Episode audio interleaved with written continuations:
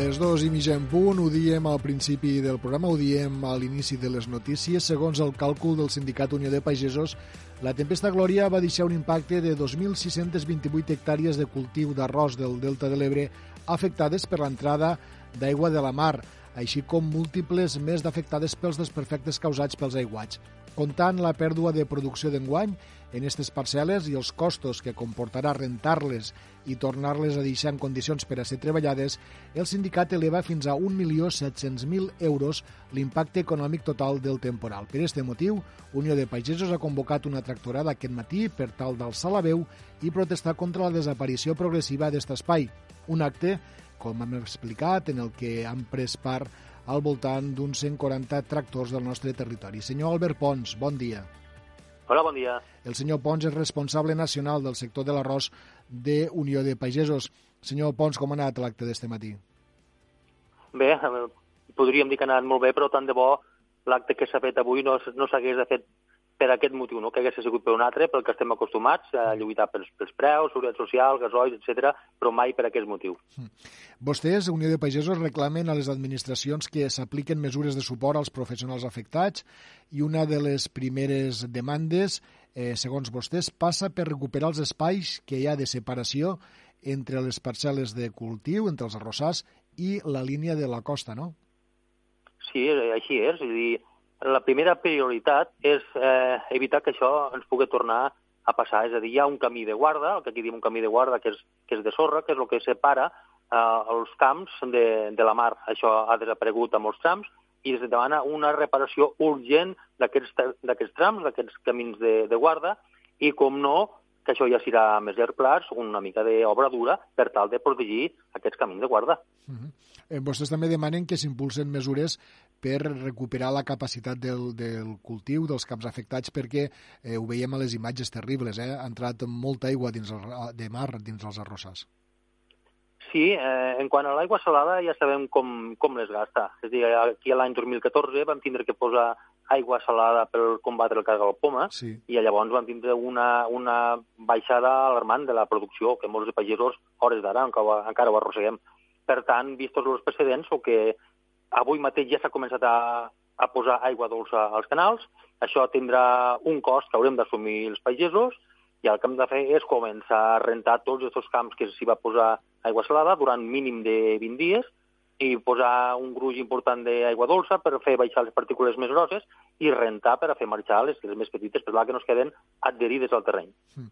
Per tant, estem parlant de les demandes que vostès efectuen, eh, que es, eh, es facin aquestes mesures, encara que siguin dures, per a preservar l'actual línia de costa, eh, que s'impulsen mesures per a rentar eh, i ajuts per a rentar l'aigua dels camps, però també demanen a les administracions eh, altres tipus d'ajuts, per exemple, la forma de, de, en forma de crèdit a interès zero i amb garanties de l'administració. Eh, sí, sí, aviam, el principal és de que aquí eh, hi ha un impacte econòmic per, a, per al sector, que estem parlant d'un milió set mil euros. Mm. És dir, que això podem dir que hi ha una zona zero, que és la, la platja de la Marquesa, que això s'anirà difuminant tal com anirà entrant dins la plana del Taica. El fet d'arribar a crèdit d'interès zero, eh, sí, evidentment, però és que això de ser l'últim. És dir, que eh, nosaltres no estem aquí només per a demanar crèdits, que estem aquí per demanar inversions. Si s'haguessin fet aquestes in inversions quan tocava, ah, no estaríem parlant de tot això. L'única cosa que demanem és que ja n'hi ha prou de tanta inacció per part de les administracions. És l'única cosa que demanem, prou d'inacció. Vostè pensa que, senyor Pons, que s'ha fet tard? Clar que han fet tard. És que fa dues dècades que, que no s'hi no fa res. I llavors l'única cosa que diem des d'aquí, la gent que, que mos pategem lo delta, el que diem és que què ha de passar més per tal que facin les inversions necessàries que necessita el Delta. Per tant, aquí no, no és que s'ha actuat malament, és que no s'ha actuat ni bé ni malament. Uh, vostès avui han anat a la platja de la Marquesa, que d'alguna manera ha sigut el símbol no? d'aquest, malauradament, d'aquest temporal que ha entrat eh, fins a pràcticament 3 quilòmetres mare, eh, terra endins. També sabem que a la banda del, del, de la dreta, a la banda dels alfacs, eh, comentaven el Poble Nou, que també ha hagut afectats, eh, que perquè també ha entrat la, la, algo de mar. Mm, coneixem els efectes sobre les muscleres, sobre els vivers. Per tant, podem dir que eh, el temporal ha tocat una mica a tots els sectors de, primaris, eh? Sí, eh, així és. Possiblement la part, la part més afectada ha sigut aquí on, on hem fet avui la, la manifestació el que nosaltres diem la, la zona zero, no? Mm. Per què? Perquè el llevant l'agafava de ple. I a l'altra banda, a la part dreta, els danys no han sigut tan generals, però ara, no, aquí no va de a un més ni a un menys. És a dir, aquí estem tots afectats. El Delta és, és un lloc on convivim 60.000 persones, on hi ha diferents eh, sectors econòmics que estem convivint, és a dir, estem vivint, convivint eh, pagesos, que és el sector primari, que és qui fa girar la roda, però és que després hi ha eh, musclaires, hi ha turisme rural, hi ha restauració, és tot un seguit de coses, però que, evidentment, això serà possible mentre no continuéssim perdent terreny, no continuéssim perdent territori ni país. Eh, L'espai del Delta de l'Ebre, ho sabem, és un espai de mediambiental de primera magnitud. Vostè s'imagina que a un altre espai, per exemple, posem la Camarga francesa, les administracions no fessin res si estigués en risc de desaparèixer? No, no, és que no, no m'hi he parat a pensar en això ara. Vull dir, ara estem aquí, ens hem de centrar en lo d'aquí, des del, des del territori fa, fa molts anys que avisàvem de què passaria el que finalment ha passat i ara, per tant, aquí hem de centrar tots els esforços per arreglar el descosit, com diem aquí, que tenim aquí. El que podria passar o supòsits en altres llocs, això ara, això ara no toca. No toca el que ara toca, eh, com vostè dia, és recuperar aquest espai, eh, fer front a, a aquesta emergència que se'ns ha presentat al damunt, tot i que estàvem avisats, evidentment, eh, com vostè dia, però també, com dèiem, intentar que les, els productors, els pagesos afectats, eh, puguin, puguin tirar endavant eh, i puguin guanyar-se la vida dignament, que al final és del que es tracta.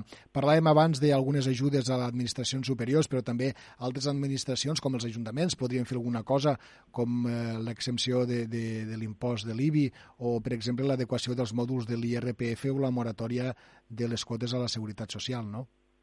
Molt bé, és, és una de les coses que hem demanat. Sí que quan se parla de... Eh, hi ha dues coses, hi ha dues línies. Una cosa és zona catastròfica mm. i l'altra cosa és ajunt d'estat. Quan parlem de zona catastròfica és, és estat central qui ho ha de manegar, però en aquest cas, quan és un ajut d'estat, aquí s'hi pot implicar totes les institucions, començant des de baix, començant des d'un ajuntament, començant des d'un consell comarcal, administració, l'autonòmica o l'estatal. Aquí tots s'hi poden aplicar quan se tracta d'ajut d'estat. I, per exemple, reducció de mòduls d'IRPF, això és un ajut d'estat, eh, l'IBI és un ajut d'estat i, com no, les quotes de la Seguretat Social és un altre ajut d'estat. Mm. Esperem, esperem que això sigui una realitat per a pal·liar els, eh, els estralls, el mal que ha fet aquest temporal als arrossaires del Delta de l'Ebre. Li agraïm moltíssim que avui hagi atès la nostra trucada i enhorabona per l'acció que aquest, eh, aquest dimecres han dut a terme aquí a, a Deltebre. Senyor Albert Pons, responsable nacional del sector de l'arròs d'Unió de Pagesos, ànims, bona feina i endavant sempre. Gràcies, molt amables.